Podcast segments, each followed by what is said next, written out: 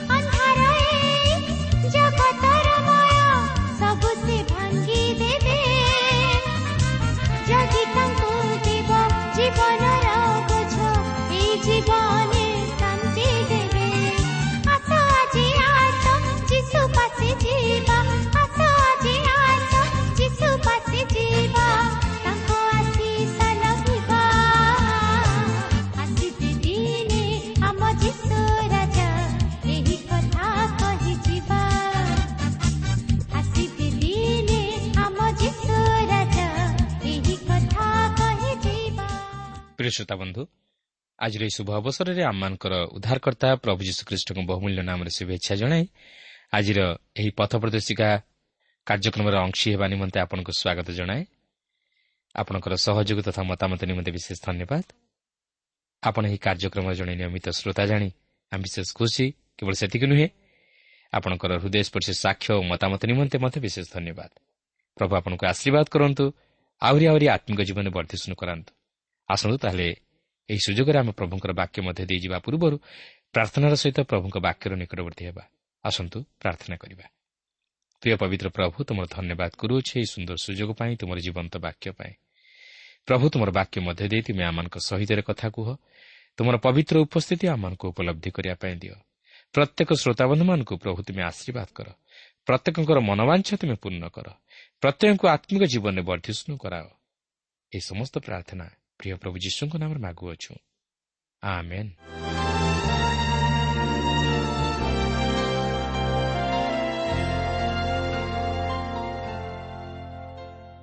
ଆସନ୍ତୁ ବର୍ତ୍ତମାନ ଆମେ ପ୍ରଭୁଙ୍କର ବାକ୍ୟ ମଧ୍ୟକୁ ଯିବା ଆଜି ଆମେ ପ୍ରଥମ ସାମ୍ୟୁଏଲ ପୁସ୍ତକର ଅଠେଇଶ ଓ ଅଣତିରିଶ ପର୍ବ ଦୁଇଟିକୁ ଅଧ୍ୟୟନ କରିବା ନିମନ୍ତେ ଯିବା ବର୍ତ୍ତମାନ ଆମେ ଏହି ପ୍ରଥମ ସାମ୍ୟୁଏଲ ଅଠେଇଶ ପର୍ବରେ ଆଉ ଏକ ଘଟଣା ଦେଖିବାକୁ ଯିବା ତାହା ହେଉଛି ସାଉଲ ଅଇନ୍ଦୋରରେ ଏକ ଭୁତୁଡ଼ିଆ ସ୍ତ୍ରୀ ଲୋକ ପାଖକୁ ଯାଇଥିଲେ ତାହାର ସାହାଯ୍ୟ ନେବା ପାଇଁ।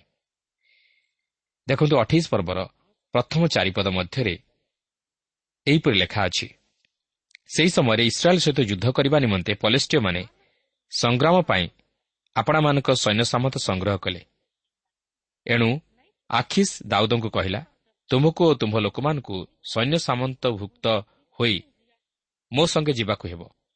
ଏହା ତୁମେ ନିଶ୍ଚୟ ଜାଣ। ତହିଁରେ ଦାଉଦ ଆଖିସ୍କୁ କହିଲେ ତାହେଲେ ଆପଣଙ୍କ ଦାସ କ'ଣ କରିବ ତାହା ଆପଣ ଜାଣିବେ ତେଣୁ ଆଖିସ୍ ଦାଉଦଙ୍କୁ କହିଲା ସେଥିପାଇଁ ମୁଁ ତୁମକୁ ଯାବଜୀବନ ଆପଣ ମସ୍ତକ ରକ୍ଷକ କରିବେ। ଏହି ସମୟକୁ ସାମୁଏଲ୍ ମରିଯାଇଥିଲେ ଓ ସମୁଦାୟ ଇସ୍ରାଏଲ୍ ତାଙ୍କ ପାଇଁ ଶୋକ କରି ତାଙ୍କର ନିଜ ନଗର ରାମାରେ ତାଙ୍କୁ କବର ଦେଇଥିଲେ। ପୁଣି ସାଉଲ ଭୁତୁଡ଼ିଆ ଓ ଗୁଣିଆ ଲୋକମାନଙ୍କୁ ଦେଶରୁ ଦୂର କରିଦେଇଥିଲେ। ଏଥିରେ ପଲେଷ୍ଟିୟମାନେ ଏକତ୍ର ହୋଇ ଆସି ସୁନେମରେ ଛାଉଣି ସ୍ଥାପନ କଲେ। ପୁଣି ସାଉଲ ସମସ୍ତ ଇସ୍ରାଏଲ୍କୁ ଏକତ୍ର କରନ୍ତେ। ସେମାନେ ଗିଲ୍ବୟରେ ଛାଉଣି ସ୍ଥାପନ କଲେ। ଦେଖନ୍ତୁ ପଲିଷ୍ଟିୟମାନେ ପୁନର୍ବାର ଇସ୍ରାଏଲ୍ ସହିତ ଯୁଦ୍ଧ କରିବା ନିମନ୍ତେ ସେମାନଙ୍କର ସୈନ୍ୟ ଶ୍ରେଣୀକୁ ଏକତ୍ରିତ କରୁଛନ୍ତି। ଦାଉଦ ଏଠାରେ ଇସ୍ରାଏଲ୍ ବିରୁଦ୍ଧରେ ଯାଇ ଯୁଦ୍ଧ କରିବା ନିମନ୍ତେ ଆଖିସ୍କୁ କୌଣସି ସ୍ପଷ୍ଟ ପ୍ରତିଜ୍ଞା କରୁନାହାନ୍ତି। ସେ ନିଶ୍ଚିତ ଭାବେ ଇସ୍ରାଏଲ୍ ସହିତ ଯୁଦ୍ଧ କରିବେ ନାହିଁ। ସେ ତାହାଙ୍କର ପାରୁ ପର୍ଯ୍ୟନ୍ତ ତହିଁରୁ ଓହରି ରହିବା ନିମନ୍ତେ ଚେଷ୍ଟା କରିବେ। କାରଣ ଇସ୍ରାଏଲ୍ ସହିତ ଯୁଦ୍ଧ କରିବା ତାହାଙ୍କର ମସୁଧା ନୁହେଁ। ତେବେ ଯେତେବେଳେ ପଲେଷ୍ଟିୟମାନେ ଇସ୍ରାଏଲ୍ ବିରୁଦ୍ଧରେ ଯୁଦ୍ଧ ସଜାଇଲେ ସେତେବେଳେ ସାଉଲ ମଧ୍ୟ ତାହାଙ୍କର ସୈନ୍ୟମାନଙ୍କୁ ନେଇ ପଲେଷ୍ଟିୟମାନଙ୍କ ବିପକ୍ଷରେ ଯୁଦ୍ଧ କରିବା ନିମନ୍ତେ ଗିଲ୍ବୟରେ ଛାଉଣି ସ୍ଥାପନ କଲେ। ତେବେ ଦେଖନ୍ତୁ ଆଗକୁ କ'ଣ ଘଟିବା ପାଇଁ ଯାଉଅଛି। ଅଠେଇଶ ପର୍ବର ପାଞ୍ଚ ପଦରୁ ସାତ ପଦ ମଧ୍ୟରେ ଆମେ ଦେଖୁଛୁ ଯେ ଈଶ୍ୱର ଯେହେତୁ ସାଉଲଙ୍କ ସହିତ କଥାବାର୍ତ୍ତା କରୁନାହାନ୍ତି ଓ ତାହାଙ୍କୁ ପରିତ୍ୟାଗ କରିଅଛନ୍ତି ଏହେତୁରୁ ସାଉଲ ଜଣେ ଭୁତୁଡ଼ିଆ ସ୍ତ୍ରୀର ସାହାଯ୍ୟ ନେବାକୁ ଚାହିଁଛନ୍ତି। ଯେପରି ସେ ନିଜର ତନ୍ତ୍ରମନ୍ତ୍ର ଦ୍ୱାରା ସାମୁଏଲ୍ ଭବିଷ୍ୟତ ବକ୍ତାଙ୍କୁ ମୃତ୍ୟୁରୁ ଉଠାଇ ସାମୁଏଲ୍ ସାଉଲଙ୍କ ବିଷୟରେ କ'ଣ କହୁଅଛନ୍ତି ତାହା ତାହାଙ୍କୁ ଜଣାଇବ। କିନ୍ତୁ ସାଉଲ ଏପରି କରିବାର ଉଚିତ ନଥିଲା। ତାଛଡ଼ା ଏହିପରି ତନ୍ତ୍ରମନ୍ତ୍ର ବଳରେ ଈଶ୍ୱରଙ୍କ ଲୋକଙ୍କୁ ମୃତ୍ୟୁରୁ ଉଠାଇବା ବା ଈଶ୍ୱରଙ୍କର ଅଭିମତକୁ ଜାଣିବା ଏକ କୌତୁହଳ ପରି ଜଣାଯାଏ। ଯଦି ମନୁଷ୍ୟ ଏପରି କରି ଈଶ୍ୱରଙ୍କର ଅଭିମତକୁ ବୁଝିପାରୁଥାନ୍ତା ବା ଏହିପରି ପ୍ରେତାତ୍ମାର ସହାୟତା ନେଇ ମନୁଷ୍ୟ ଐଶ୍ୱରିକ ବିଷୟ ବା ଈଶ୍ୱରଙ୍କର ଯୋଜନାକୁ ବୁଝିପାରୁଥାନ୍ତା ତାହେଲେ ଶୈତାନର ଶକ୍ତି ଈଶ୍ୱରଙ୍କ ଶକ୍ତିଠାରୁ ବଳିଯାଆନ୍ତା ହଁ ଶୈତାନର ଶକ୍ତି ଅଛି ଓ ଯେଉଁମାନେ ପ୍ରେତାତ୍ମାର ପୂଜା କରନ୍ତି ସେମାନେ ସେହି ପ୍ରେତାତ୍ମାର ସହାୟତା ଦ୍ୱାରା ତନ୍ତ୍ରମନ୍ତ୍ର ବା ଗୁଣିବିଦ୍ୟା ପ୍ରଭୃତି ସାଧନ କରିପାରନ୍ତି। କିନ୍ତୁ ଏହାର ଅର୍ଥ ନୁହେଁ ଯେ ସେମାନେ ସେହି ତନ୍ତ୍ରମନ୍ତ୍ର ଦ୍ୱାରା ଈଶ୍ୱରଙ୍କ ଶକ୍ତିର କାର୍ଯ୍ୟ ସାଧନ କରିବେ ବା ଈଶ୍ୱରଙ୍କ ସାର୍ବଭୌମ୍ୟ କ୍ଷମତା ଉପରେ ହସ୍ତକ୍ଷେପ କରିପାରିବେ। ତେବେ ଅନେକଙ୍କର ମତ ଯେ ସେହି ଭୁତୁଡ଼ିଆ ସ୍ତ୍ରୀ ତାହାର ଗୁଣିବିଦ୍ୟା ବଳରେ ସାମୁଏଲ୍ଙ୍କୁ ମୃତ୍ୟୁରୁ ଉଠାଇ ଆଣିଲା। କିନ୍ତୁ ପ୍ରଶ୍ନ ହେଉଛି ସାମୁଏଲ୍ କ'ଣ ପ୍ରକୃତରେ ମୃତ୍ୟୁରୁ ଉଠିଆସି ସାଉଲଙ୍କ ସହିତ କଥାବାର୍ତ୍ତା କଲେ? ଓ ସାଉଲଙ୍କୁ ସମସ୍ତ ବିଷୟ ଜଣାଇଲେ? ଯଦି ସେପରି ହୋଇଥାଏ ତାହେଲେ ପବିତ୍ର ବାଇବଲ ମଧ୍ୟରେ ଏହା ହିଁ ହେଉଛି ଏକମାତ୍ର ଘଟଣା। କିନ୍ତୁ ପ୍ରକୃତରେ ସେପରି ନୁହେଁ। ତେବେ ଏହି ବିଷୟ ନେଇ ଆପଣ ନିଶ୍ଚିତ ଭାବରେ ଏକ ଦ୍ୱନ୍ଦ୍ୱରେ ପଡ଼ିଥିବେ ଯେ ତାହେଲେ ପ୍ରକୃତ ଘଟଣା କ'ଣ? ଦେଖନ୍ତୁ ସାଉଲ ବର୍ତ୍ତମାନ ସେହି ଭୁତୁଡ଼ିଆ ସ୍ତ୍ରୀର ସାହାଯ୍ୟ ନେବାକୁ ଯାଉଅଛନ୍ତି। ଅଠେଇଶ ପର୍ବର ଆଠ ପଦରୁ ତେର ପଦ ମଧ୍ୟରେ ଆମେ ଲକ୍ଷ୍ୟ କରୁ ଯେ ଏହି ଘଟଣା ସେହି ଭୁତୁଡ଼ିଆ ସ୍ତ୍ରୀକୁ ଭୟଗ୍ରସ୍ତ କରାଉଛି। ସେ ଏକ ଅଦ୍ଭୁତ ଦୃଶ୍ୟ ଦେଖୁଅଛି। ସେ ଦେବଗଣ ତୁଲ୍ୟ ଏକ ବ୍ୟକ୍ତିଙ୍କୁ ଭୂମିରୁ ଉଠି ଆସିବାର ଦେଖୁଅଛି। ଏହାପରେ ଅଠେଇଶ ପର୍ବର ଚଉଦ ପଦରେ ଲେଖା ଅଛି ଏଥିରେ ସାଉଲ ତାହାକୁ ପଚାରିଲେ ତାହାର ରୂପ କି ପ୍ରକାର? ସେ କହିଲା ଜଣେ ବୃଦ୍ଧ ଲୋକ ଉଠି ଆସୁଅଛି ସେ ଚୋଗାରେ ଆଚ୍ଛନ୍ନ। ତହୁଁ ସାଉଲ ଜାଣିଲେ ଯେ ସେ ସାମୁଏଲ ଏଣୁ ସେ ଭୂମିଷ୍ଠ ପ୍ରଣାମ କଲେ। ଆପଣ ବର୍ତ୍ତମାନ ଭାବୁଥିବେ ଯେ ଏହି ବ୍ୟକ୍ତି ସାମୁଏଲ ନୁହନ୍ତି ତ ଆଉ କିଏ? ଟିକେ ଅପେକ୍ଷା କରନ୍ତୁ ଆପଣ ଟିକେ ଭଲ ଭାବେ ଚିନ୍ତା କରି କୁହନ୍ତୁ ଏହି ବ୍ୟକ୍ତି ପ୍ରକୃତିରେ କିଏ ମୁଁ ଭାବୁଛି ଆପଣ ତଥାପି ସନ୍ଦେହରେ ପଡ଼ିଥିବେ। କିନ୍ତୁ ମୁଁ ଆପଣଙ୍କୁ ପ୍ରମାଣ କରାଇଦେବି ଯେ ସେ ସାମୁଏଲ ନୁହନ୍ତି। ଯଦି ଆପଣ ଏହି ଅଂଶଟିକୁ ଭଲ ଭାବେ ଅଧ୍ୟୟନ କରି ଚିନ୍ତା କରିବେ ତାହେଲେ ଜାଣିପାରିବେ ଯେ ସାଉଲ ସାମୁଏଲକୁ ଦେଖିନଥିଲେ ଏହା ଥିଲା ସେହି ଭୁତୁଡ଼ିଆ ସ୍ତ୍ରୀର କଥା ଯେ କି କେବେ ହେଲେ ସାମୁଏଲଙ୍କୁ ଜୀବିତ ଅବସ୍ଥାରେ ଦେଖିନଥିଲା ସେ କହିଲା ସେ ଜଣେ ବୃଦ୍ଧ ବ୍ୟକ୍ତିଙ୍କୁ ଚୋଗାରେ ଆଚ୍ଛନ୍ନ ହେବାର ଦେଖୁଅଛି। ହଁ ସେମାନେ ମଧ୍ୟ ଏହି ସିଦ୍ଧାନ୍ତରେ ଉପନୀତ ହେଲେ ଯେ ସେ ବୋଧହୁଏ ସାମୁଏଲ। ତେଣୁ ସାଉଲ ଯେତେବେଳେ ତାହାକୁ ସାମୁଏଲ ଭାବି ପ୍ରଣାମ କଲେ ସେ ମଧ୍ୟ ସାମୁଏଲଙ୍କ ପରି ସାଉଲଙ୍କୁ ଉତ୍ତର ଦେଲା ଯେହେତୁ ଭୂତାତ୍ମାମାନେ ମଧ୍ୟ ଅନ୍ୟ ରୂପ ଧାରଣ କରିପାରନ୍ତି। ସାଉଲ ନିଜକୁ ଶୟତାନ ନିକଟରେ ପୁରାପୁରି ଖୋଲିଦେଲେ। ଓ ଶୟତାନ ମଧ୍ୟ ଏହାର ସୁଯୋଗ ନେଇ ସାଉଲଙ୍କ ମଧ୍ୟରେ ପ୍ରବେଶ କଲା। ଅଠେଇଶ ପର୍ବର ପନ୍ଦର ପଦରେ ଲେଖା ଅଛି ତରେ ସାମୁଏଲ ସାଉଲକୁ କହିଲେ ତୁମେ ମୋତେ ଉଠାଇ ଆଣି କାହିଁକି ବ୍ୟସ୍ତ କଲ ତେଣୁ ସାଉଲ ଉତ୍ତର ଦେଲେ ମୁଁ ଅତ୍ୟନ୍ତ ବିପଦଗ୍ରସ୍ତ ହୋଇଅଛି। କାରଣ ପଲେଷ୍ଟିୟମାନେ ମୋ ସଙ୍ଗେ ଯୁଦ୍ଧ କରୁଅଛନ୍ତି ଓ ପରମେଶ୍ୱର ମୋତେ ତ୍ୟାଗ କରିଅଛନ୍ତି। ପୁଣି ମୋତେ ଆଉ ଉତ୍ତର ଦେଉନାହାନ୍ତି। ନା ଭବିଷ୍ୟତ ବକ୍ତାମାନଙ୍କ ହାତରେ ନା ସ୍ୱପ୍ନରେ ଉତ୍ତର ଦେଉନାହାନ୍ତି। ଏଥିପାଇଁ ମୁଁ କ'ଣ କରିବି? ଏହା ମୋତେ ଜଣାଇବା ପାଇଁ ମୁଁ ତୁମକୁ ଡକାଇଲି। ଆମେ ଦେଖୁଛୁ ସଦାପ୍ରଭୁ ସାଉଲଙ୍କୁ ପୁରାପୁରି ପରିତ୍ୟାଗ କରିଥିଲେ ଓ ସାଉଲ ପଲିଷ୍ଟିମାନଙ୍କର ସୈନ୍ୟ ଛାଉଣିକି ଦେଖି ପୁରାପୁରି ଭୟ କରିଯାଇଥିଲେ। ଏହାପରେ ଅଠେଇଶ ପର୍ବର ଷୋହଳରୁ ଉଣେଇଶ ପଦ ମଧ୍ୟରେ ଆମେ ଏକ କୌତୁହଳର ବିଷୟ ଲକ୍ଷ୍ୟ କରୁ ଯେ ଏହିଠାରେ କୌଣସି ନୂତନ ବିଷୟ ଯୋଗ କରାଯାଇ ନାହିଁ। ସାଉଲ କୌଣସି ନୂତନ ସମ୍ବାଦ ପାଆନ୍ତି ନାହିଁ। ଆପଣ ଜାଣିଥିବେ ଯେ ସାମୁଏଲଙ୍କର ମୃତ୍ୟୁ ପୂର୍ବରୁ ସାମୁଏଲ ସାଉଲଙ୍କୁ ତାହାଙ୍କର ମୃତ୍ୟୁ ବିନାଶ ଓ ରାଜା ରୂପେ ଅଗ୍ରାହ୍ୟ ହେବାର ବିଷୟ ପ୍ରକାଶ କରିଦେଇଥିଲେ। ପ୍ରକୃତରେ ସାଉଲ ସେହି ଗୁଣିଗାର୍ଡି ଦ୍ୱାରା କୌଣସି ନୂତନ ସମ୍ବାଦ ବା ସାନ୍ତ୍ୱନା ବା ନୂତନ ଦିଗଦର୍ଶନ ପାଇନଥିଲେ। ତେଣୁ ଏଥିରୁ ସ୍ପଷ୍ଟ ଜଣାଯାଏ ଯେ ଈଶ୍ୱର ଏହି ଘଟଣା ସହିତ ସମ୍ପୃକ୍ତ ନଥିଲେ। ଦେଖିବାକୁ ଗଲେ ସେ ସାମୁଏଲଙ୍କୁ ଡାକି ଉଠାଇ ନଥିଲେ। ସାଉଲ ଏଠାରେ ସ୍ପଷ୍ଟ କରିଦିଅନ୍ତି ଯେ ଈଶ୍ୱର ତାହାଙ୍କ ସହିତ କୌଣସି କଥାବାର୍ତ୍ତା କରୁନଥିଲେ। ତାହେଲେ ଶୈତାନ କ'ଣ ସାମୁଏଲକୁ ଡାକି ଉଠାଇବା ନିମନ୍ତେ ସକ୍ଷମ ହୋଇଥିଲା? ତାହା ଏକ ପ୍ରଶ୍ନବାଚୀ। କିନ୍ତୁ ଆମେ ସାଉଲଙ୍କ ଜୀବନର କାର୍ଯ୍ୟକଳାପରୁ ଜାଣିବାକୁ ପାରୁ ଯେ ଈଶ୍ୱର ତାହାଙ୍କୁ ପରିତ୍ୟାଗ କରିଥିଲେ। ତେଣୁ ତାହାଙ୍କ କ୍ଷେତ୍ରରେ ସ୍ୱର୍ଗ ମଧ୍ୟ ନିରବ ରହିଥିଲା। ଏଥିନିମନ୍ତେ ସାଉଲ ନର୍କ ଆଡ଼କୁ ଅଗ୍ରସର ହେଲେ। ତେବେ ବର୍ତ୍ତମାନ ପ୍ରଶ୍ନ ହେଉଛି ତାହେଲେ ସାମୁଏଲ କ'ଣ ସାଉଲଙ୍କୁ ଦେଖାଦେଲେ? ତେବେ ମୋର ମତରେ ଏହା ପ୍ରକୃତ ଘଟଣା ନଥିଲା କି ସେ ପ୍ରକୃତ ସାମୁଏଲ ନଥିଲେ। ମାତ୍ର ଏହା ଥିଲା ସେହି ଭୁତୁଡ଼ିଆ ସ୍ତ୍ରୀର ତନ୍ତ୍ରମନ୍ତ୍ରର ଖେଳ ଓ ପ୍ରେତାତ୍ମା ମଧ୍ୟ ଅନ୍ୟ ରୂପ ଧାରଣ କରିପାରେ। ତେବେ ଅନେକ କହନ୍ତି ଯେ ସେହି ଭୁତୁଡ଼ିଆ ସ୍ତ୍ରୀ ସାମୁଏଲଙ୍କୁ ମୃତ୍ୟୁରୁ ଉଠାଇଥିଲା ଓ ସେମାନେ ତାହା ବିଶ୍ୱାସ କରନ୍ତି। କିନ୍ତୁ ମୁଁ କହେ ଯେ ଏହି ମତବାଦ ଗ୍ରହଣଯୋଗ୍ୟ ନୁହେଁ କି ପବିତ୍ର ଧର୍ମଶାସ୍ତ୍ର ସମ୍ବଳିତ ନୁହେଁ।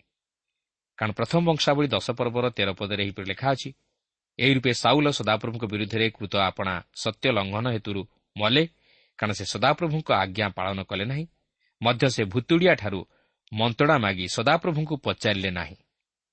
ପ୍ରକୃତରେ ସାଉଲ ଯେଉଁପରି କାର୍ଯ୍ୟ କଲେ ସେଥିଲାଗି ସେ ଈଶ୍ୱରଙ୍କ ଦ୍ୱାରା ବିଚାରିତ ହେଲେ କାରଣ ଈଶ୍ୱର ତାହାଙ୍କ ଉପରେ ସନ୍ତୁଷ୍ଟ ନଥିଲେ ବାସ୍ତବରେ ଯେଉଁମାନେ ମୃତ ସେମାନେ ଜୀବିତମାନଙ୍କ ସହିତ କଥାବାର୍ତ୍ତା କରିପାରନ୍ତି ନାହିଁ। କି ସେମାନଙ୍କ ସହ ଯୋଗାଯୋଗ ରକ୍ଷା କରିପାରନ୍ତି ନାହିଁ। ତେଣୁକରି ଏହି ଘଟଣା ମଧ୍ୟରେ ଈଶ୍ୱର ସମ୍ପୃକ୍ତ ନଥିଲେ। ମାତ୍ର ଏହା ପୁରାପୁରି ଶୟତାନିକ ଘଟଣା ଥିଲା। କି ଯେତେବେଳେ ମୁଁ କହେ ଯେ ମୃତମାନେ ଜୀବିତମାନଙ୍କ ସହିତ କଥାବାର୍ତ୍ତା ବା ଯୋଗାଯୋଗ କରିପାରନ୍ତି ନାହିଁ ବୋଲି ସେତେବେଳେ ମୁଁ କେବଳ ଗୋଟିଏ ବିଷୟକୁ ବାଦ୍ ଦେଇପାରେ ଆଉ ତାହା ହେଉଛି ଯେ ପ୍ରଭୁ ଯୀଶୁଖ୍ରୀଷ୍ଟ ଯାହାଙ୍କ ହାତରେ ମୃତ୍ୟୁ ଓ ପାତାଳର କଞ୍ଚି ଅଛି କାରଣ ସେ ମୃତ୍ୟୁରୁ ଉଠିଅଛନ୍ତି ଓ ମୃତ୍ୟୁକୁ ଜୟ କରିଅଛନ୍ତି। ସେ ହିଁ କେବଳ ଆପଣଙ୍କ ସହିତ କଥାବାର୍ତ୍ତା କରିବାକୁ ଚାହାନ୍ତି ଓ ଆପଣଙ୍କ ସହ ଯୋଗାଯୋଗ କରିବାକୁ ଚାହାନ୍ତି। ଆପଣ କେବଳ ତାହାଙ୍କ ସ୍ୱର ଶୁଣିପାରିବେ ଓ ସେ ଆପଣଙ୍କ ସହ କଥା କହିବେ। ଯାହାକି ପ୍ରକାଶିତ ପ୍ରଥମ ପର୍ବର ସତର ଅଠର ପଦରେ ଲେଖା ଅଛି ତାହାଙ୍କୁ ଦେଖି ମୁଁ ମୃତ ପରି ତାହାଙ୍କ ପାଦ ତଳେ ପଡ଼ିଗଲି। ସେଥିରେ ସେ ମୋ ଉପରେ ଆପଣା ଦକ୍ଷିଣ ହସ୍ତ ଥୋଇ କହିଲେ ଭୟ କର ନାହିଁ ଆମ୍ଭେ ପ୍ରଥମ ଓ ଶେଷ। ପୁଣି ସ୍ୱୟଂ ଯିବି ଆମ୍ଭେ ମୃତ ହେଲୁ ଆଉ ଦେଖ ଆମ୍ଭେ ଯୁଗେ ଯୁଗେ ଜୀବିତ ଅଟୁ। ପୁଣି ଆମ୍ଭର ହସ୍ତରେ ମୃତ୍ୟୁ ଓ ପାତାଳର କଞ୍ଚି ଅଛି।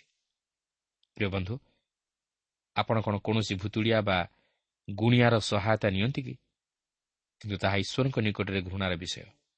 ଆପଣ ଆପଣଙ୍କର ଭବିଷ୍ୟତ ଜାଣିବା ନିମନ୍ତେ କ'ଣ କୌଣସି ଗଣକ ବା ଶୁଭାଶୁଭବାଦୀର ସହାୟତା ନିଅନ୍ତି କି? ସେମାନେ ଆପଣଙ୍କୁ ରକ୍ଷା କରିପାରିବେ ନାହିଁ। କାରଣ ସେମାନଙ୍କର ସୂଚନା ନର୍କରୁ ଆସେ କିନ୍ତୁ ସ୍ୱର୍ଗରୁ ନୁହେଁ। କିନ୍ତୁ ଆମେ କାହିଁକି ଜଣକର କଥା ଶୁଣିବା ନାହିଁ? ଯେ କି ମୃତ୍ୟୁର ଦ୍ୱାର ଦେଇ ଯାଇ ମୃତ୍ୟୁକୁ ଜୟ କରିଅଛନ୍ତି। ସେହି କେବଳ ମାତ୍ର ଜଣେ ଯେ କି ଆମମାନଙ୍କୁ ମୃତ୍ୟୁରୁ ଉଦ୍ଧାର କରି ଅନନ୍ତ ଜୀବନ ପ୍ରଦାନ କରନ୍ତି।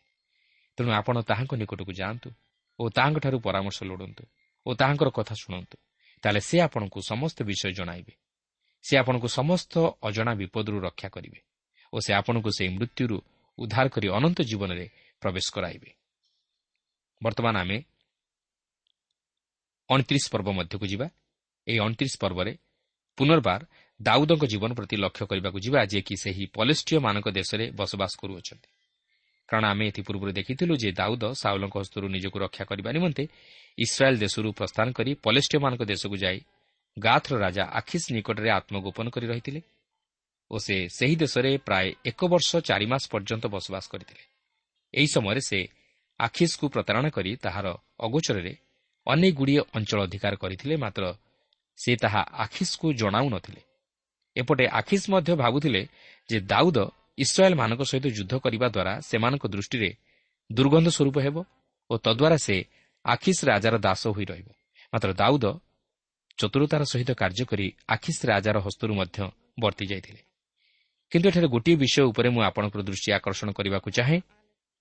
ଦାଉଦ ଯଦିଓ ଇସ୍ରାଏଲ୍ ସହିତ ଯୁଦ୍ଧ କରିବାକୁ ଚାହୁଁନଥିଲେ ମାତ୍ର ଯେତେବେଳେ ଇସ୍ରାଏଲ୍ ପଲେଷ୍ଟିୟମାନଙ୍କ ବିରୁଦ୍ଧରେ ଯୁଦ୍ଧ କରିବାକୁ ଉଠିଲେ ସେତେବେଳେ ଆଖିସ୍ ଦାଉଦଙ୍କୁ ତାହାଙ୍କର ସୈନ୍ୟମାନଙ୍କୁ ସଙ୍ଗରେ ଆଣି ପଲେଷ୍ଟିୟ ସୈନ୍ୟମାନଙ୍କ ସହିତ ମିଶି ଇସ୍ରାଏଲ୍ ବିରୁଦ୍ଧରେ ଯୁଦ୍ଧ କରିବାକୁ କହିଲା। ତେଣୁ ଦାଉଦ ଅକଳିଆରେ ପଡ଼ିଗଲେ। ମାତ୍ର ସେ ଆଖିସ୍ ସହିତ ବନ୍ଧୁତ୍ୱ ସ୍ଥାପନ କରିଥିବାରୁ ତାହାର କଥା ଭାଙ୍ଗି ନ ପାରି ଦାଉଦ ଇସ୍ରାଏଲ୍ ବିରୁଦ୍ଧରେ ଯୁଦ୍ଧ କରିବା ନିମନ୍ତେ ଏକମତ ହୋଇଥିଲେ। ମାତ୍ର ଈଶ୍ୱର ତହିଁରେ ହସ୍ତକ୍ଷେପ କଲେ।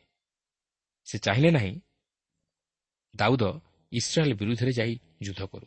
ଯଦି ଈଶ୍ୱର ଦାଉଦଙ୍କୁ ବାରଣ କରିନଥାନ୍ତେ ତାହେଲେ ଦାଉଦ ତାହାଙ୍କ ଜୀବନରେ ଏପରି ଏକ ଭୁଲ କରି ବସିଥାନ୍ତେ ଯେଉଁଥିପାଇଁ ସାରା ଜୀବନ ତାହାଙ୍କୁ ଅନୁତାପ କରିବାକୁ ପଡ଼ିଥାନ୍ତା। ପ୍ରିୟ ବନ୍ଧୁ ଅନେକ ସମୟରେ ଆମମାନଙ୍କ ଜୀବନରେ ତାହା ହିଁ ଘଟେ। ଆମେ ଯାହା କରିବା କଥା ତାହା କରିନଥାଉ ମାତ୍ର ଯାହା ନ କରିବା କଥା ତାହା କରିଥାଉ। ଯେଉଁଆଡ଼େ ଯିବା କଥା ସେଆଡ଼େ ଯାଇନଥାଉ। ମାତ୍ର ଯେଉଁଆଡ଼େ ନ ଯିବା କଥା ସେଆଡ଼େ ଯାଇଥାଉ। ମାତ୍ର ଯେତେବେଳେ ଆମେ ଈଶ୍ୱରଙ୍କ ଇଚ୍ଛା ବିରୁଦ୍ଧରେ ଯାଇ କାର୍ଯ୍ୟ କରିଥାଉ ସେତେବେଳେ ଈଶ୍ୱର ଆମର ଜୀବନର ଗତିପଥରେ ପ୍ରତିବନ୍ଧକ ସୃଷ୍ଟି କରିଥାନ୍ତି ଓ ସେ ଆମମାନଙ୍କର ଇଚ୍ଛା ଉପରେ ହସ୍ତକ୍ଷେପ କରିଥାନ୍ତି ଓ ଅନେକ ଭୟାନକ ପାପରୁ କିମ୍ବା ବିପଦରୁ ବା ଅପରାଧରୁ ରକ୍ଷା କରିଥାନ୍ତି। ଯାହା ଘଟିବା ଦ୍ୱାରା ଆମମାନଙ୍କୁ ସାରା ଜୀବନ ନିମନ୍ତେ ହୋଇପାରେ ଅନୁତାପ କରିବାକୁ ପଡ଼ିଥାନ୍ତା। ମାତ୍ର ତାହାଙ୍କର ଅସୀମ ଅନୁଗ୍ରହରେ ସେ ଆମମାନଙ୍କୁ ଆସନ୍ନ ବିପଦରୁ ବା ସମସ୍ୟାରୁ ଉଦ୍ଧାର କରିଥାନ୍ତି। ଆଜି ମୋର ସେହି ଅନୁଭୂତି ରହିଅଛି ଓ ଆପଣଙ୍କର ମଧ୍ୟ ସେହିପରି ଅନୁଭୂତି ରହିଥିବ। ତେବେ ଦେଖନ୍ତୁ ପ୍ରଥମ ସାମୁଏଲ ଅଣତିରିଶ ପର୍ବର ପ୍ରଥମ ଦୁଇ ପଦରେ ଏହିପରି ଲେଖା ଅଛି ସେହି ସମୟରେ ପଲିଷ୍ଟିୟମାନେ ଆପଣମାନଙ୍କ ସୈନ୍ୟ ସାମନ୍ତ ସକଳ ଅଫେକରେ ଏକତ୍ର କଲେ ଓ ଇସ୍ରାଏଲୀୟମାନେ ଜିସ୍ରିଏଲସ୍ଥ ନିର୍ଝର ନିକଟରେ ଛାଉଣି ସ୍ଥାପନ କଲେ। ଏଥିରେ ପଲେଷ୍ଟିୟମାନଙ୍କ ଅଧିପତିମାନେ ଶତ ଶତ ଓ ସହସ୍ର ସହସ୍ର ସୈନ୍ୟ ନେଇ କ୍ରମେ କ୍ରମେ ଅଗ୍ରସର ହେଲେ ଆଉ ଦାଉଦ ଓ ତାଙ୍କର ଲୋକମାନେ ଆଖିସ୍ ସହିତ ପଛେ ପଛେ ଅଗ୍ରସର ହେଲେ। ଲକ୍ଷ୍ୟ କରନ୍ତୁ ଦାଉଦ ଓ ତାଙ୍କର ସଙ୍ଗୀଗଣ ପଲିଷ୍ଟିୟମାନଙ୍କ ସହିତ ଇସ୍ରାଏଲ୍ ବିରୁଦ୍ଧରେ ଯୁଦ୍ଧ କରିବାକୁ ବାହାରିଗଲେ କିନ୍ତୁ ପଲିଷ୍ଟିୟମାନେ ତାହା ପସନ୍ଦ କଲେ ନାହିଁ। କାରଣ ଦାଉଦ ଜଣେ ଇସ୍ରାଏଲୀୟ ଲୋକ ଥିଲେ ଓ ସେ ଯେ ପ୍ରକୃତିରେ ଇସ୍ରାଏଲ୍ ବିରୁଦ୍ଧରେ ଯାଇ ଯୁଦ୍ଧ କରିବେ ଓ ପଲିଷ୍ଟିମାନଙ୍କର ସପକ୍ଷ ହେବେ ଏହା ସେମାନେ ବିଶ୍ୱାସ କରିପାରିଲେ ନାହିଁ। ତାହା ହିଁ ସାଧାରଣତଃ ଘଟେ। ଯେତେବେଳେ ଜଣେ ଜଣକର ଶତ୍ରୁ ହୋଇ ପୁନର୍ବାର ତାହା ସହିତ ମିତ୍ରତା ଆଚରଣ କରେ ସେତେବେଳେ ତାହା ଏକ ପ୍ରଶ୍ନବାଚୀ ହୋଇଉଠେ ଓ ମନ ମଧ୍ୟରେ ସନ୍ଦେହ ଜାତ କରାଏ। ପ୍ରକୃତିରେ ସେ କ'ଣ ମୋ ସହିତ ମିତ୍ରତା ଆଚରଣ କରୁଅଛି? ନା ସେହି ମିତ୍ରତା ଆଚରଣ କରିବାର ଆଳ ଦେଖାଇ ମୋର ନିମନ୍ତେ ଅମଙ୍ଗଳ ତଥା ଫାନ୍ଦ ପାତୁଅଛି ଏହି ପ୍ରକାର ପ୍ରଶ୍ନ ମନ ମଧ୍ୟରେ ନିଶ୍ଚିତ ଭାବେ ଆସିବ। ଯାହାକି ସେଦିନ ପଲିଷ୍ଟିୟମାନଙ୍କ ମନରେ ଦାଉଦଙ୍କ ପ୍ରତି ଜାତ ହୋଇଥିଲା। ତେଣୁ ଆପଣ ପରେ ଦେଖିବାକୁ ପାରିବେ ଯେ ସେମାନେ ଦାଉଦଙ୍କୁ ସେମାନଙ୍କ ସହିତ ଯାଇ ଯୁଦ୍ଧ କରିବା ନିମନ୍ତେ ଅନୁମତି ଦେଲେ ନାହିଁ। ଅଣତିରିଶ ପର୍ବର ତିନି ପଦରେ ଆମେ ଦେଖୁ ଯେ ଆଖିସ୍ଙ୍କର ପୁରା ବିଶ୍ୱାସ ଦାଉଦଙ୍କ ଉପରେ ରହିଅଛି। ଦାଉଦ ଆଖିସ୍ଙ୍କ ବିରୁଦ୍ଧରେ କୌଣସି ଦୋଷ ବା ଅପରାଧ କରିନଥିଲେ। ଆଖିସ୍ ତାହା ନିଜେ ଜାଣିଥିଲେ। ତେଣୁକରି ସେ ଦାଉଦଙ୍କୁ ଆଦୌ ଅବିଶ୍ୱାସ କରୁନଥିଲେ କି ସନ୍ଦେହ ମଧ୍ୟ କରୁନଥିଲେ କାରଣ ଦାଉଦ ତାହାଙ୍କ ପ୍ରତି ବିଶ୍ୱସ୍ତ ଥିଲେ। ଏହାପରେ ଅଣତିରିଶ ପର୍ବର ଚାରି ଓ ପାଞ୍ଚ ପଦରେ ଆମେ ଦେଖୁ ଯେ ପଲିଷ୍ଟିୟମାନେ ଦାଉଦଙ୍କୁ ସେମାନଙ୍କ ସହିତ ଯାଇ ଇସ୍ରାଏଲ୍ ସନ୍ତାନଗଣ ବିରୁଦ୍ଧରେ ଯୁଦ୍ଧ କରିବାକୁ ଅନୁମତି ଦେଉନାହାନ୍ତି କିନ୍ତୁ ସେମାନେ ଏପରି ଭାବିବା ମଧ୍ୟ ଯୁକ୍ତିଯୁକ୍ତ ତଥା ଯଥାର୍ଥ। କାରଣ କିଏ କହିପାରେ?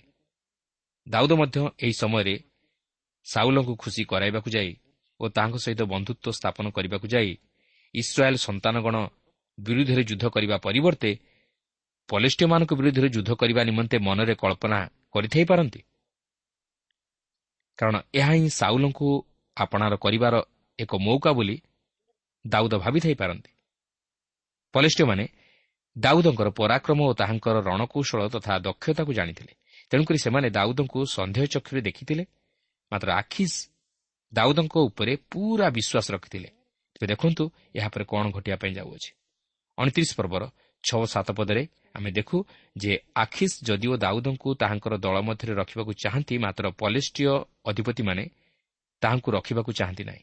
ତେଣୁ ସେମାନଙ୍କ ଦଳ ମଧ୍ୟରେ ଯେପରି କୌଣସି ପ୍ରକାର ଅପ୍ରୀତିକର ପରିସ୍ଥିତି ନ ଉପୁଜେ ଓ ସେମାନଙ୍କ ମଧ୍ୟରେ ଏକତା ରକ୍ଷା ହୁଏ ଏଥିନିମନ୍ତେ ଆଖିସ୍ ଦାଉଦଙ୍କୁ ସେମାନଙ୍କ ସହିତ ମିଶି ଯୁଦ୍ଧକୁ ନ ଯିବା ନିମନ୍ତେ ପରାମର୍ଶ ଦିଅନ୍ତି। କିନ୍ତୁ ଏହା କେବଳ ଈଶ୍ୱରଙ୍କର ଯୋଜନା ବ୍ୟତୀତ ଅନ୍ୟ କିଛି ନୁହେଁ। ଈଶ୍ୱର ଦାଉଦଙ୍କୁ ତାହାଙ୍କର ଲୋକମାନଙ୍କର ବିରୁଦ୍ଧରେ ଯାଇ ଯୁଦ୍ଧ କରିବାକୁ ସୁଯୋଗ ଦେଇନଥିଲେ ଯେପରି ପରେ ଦାଉଦଙ୍କୁ ଏଥିନିମନ୍ତେ ଘୋର ଅନୁତାପ କରିବାକୁ ନ ପଡ଼େ। ବାସ୍ତବରେ ଈଶ୍ୱର ଦାଉଦଙ୍କୁ ସେହି ଅପରାଧଜନିତ କାର୍ଯ୍ୟରୁ ଦୂରେଇ ରଖିଥିଲେ।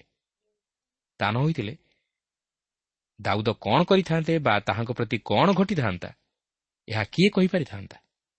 ଅଣତିରିଶ ପର୍ବର ଆଠ ପଦରେ ଲେଖା ଅଛି ତୁ ଦାଉଦ ଆଖିସ୍କୁ କହିଲେ ମାତ୍ର ମୁଁ କ'ଣ କଲି? ଓ ମୁଁ ଆପଣଙ୍କ ସମ୍ମୁଖରେ ଥିବା ଦିନାବଧି ଆଜି ପର୍ଯ୍ୟନ୍ତ ଆପଣଙ୍କ ଏହି ଦାସଠାରେ ଆପଣ କ'ଣ ପାଇଲେ ଯେ ମୁଁ ଯାଇ ମୋ ପ୍ରଭୁ ରାଜାଙ୍କ ଶତ୍ରୁମାନଙ୍କ ବିପକ୍ଷରେ ଯୁଦ୍ଧ କରିବି ନାହିଁ?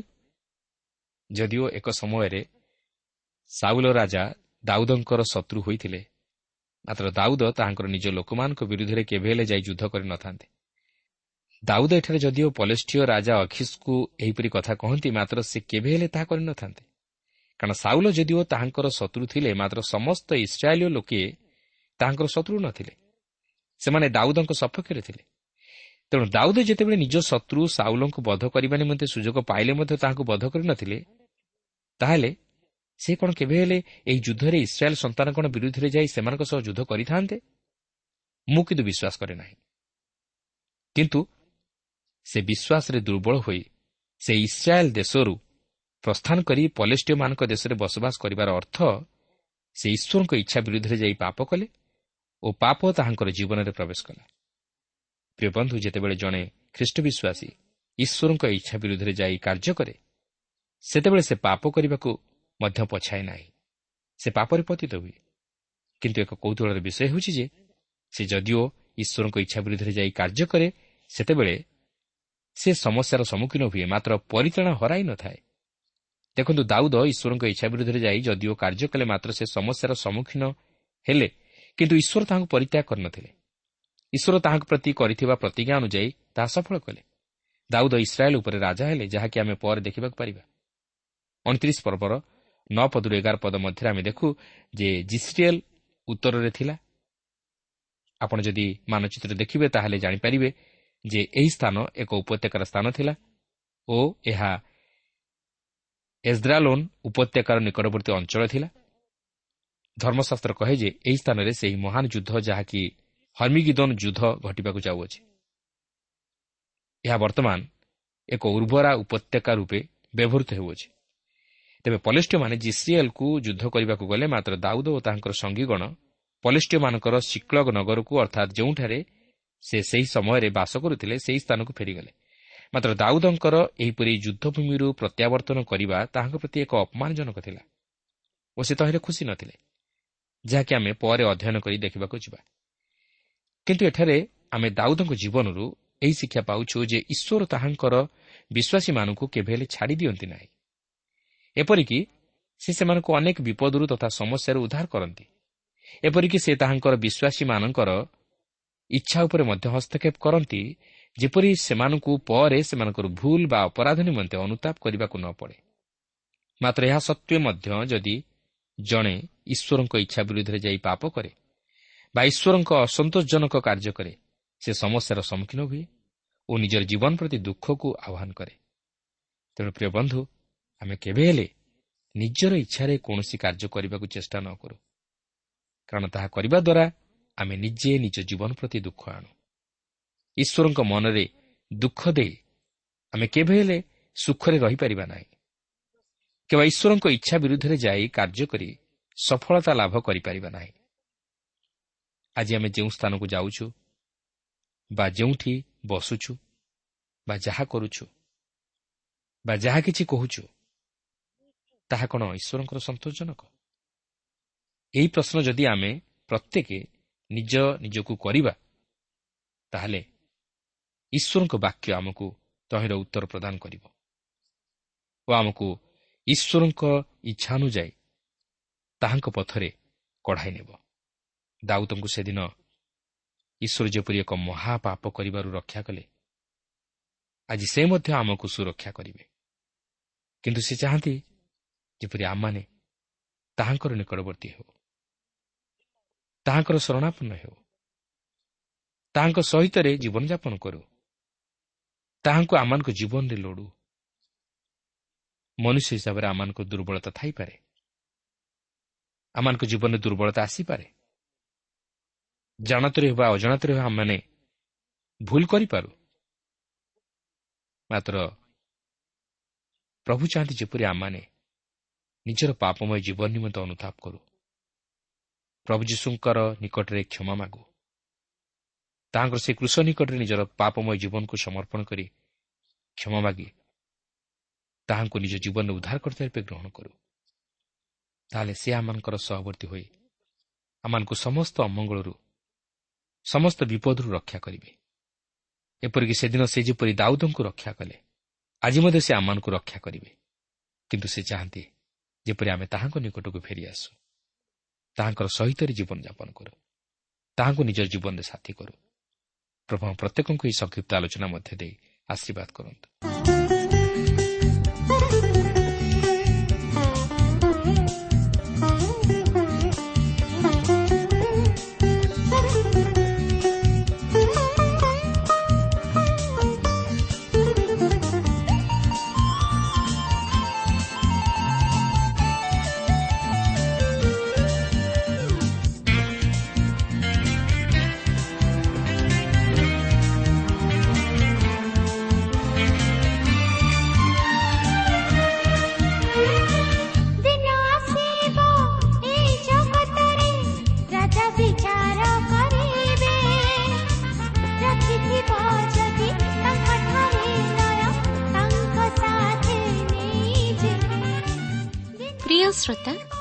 ଆମର କାର୍ଯ୍ୟକ୍ରମ ନିୟମିତ ଶୁଣୁଥିବାରୁ ଅଶେଷ ଧନ୍ୟବାଦ।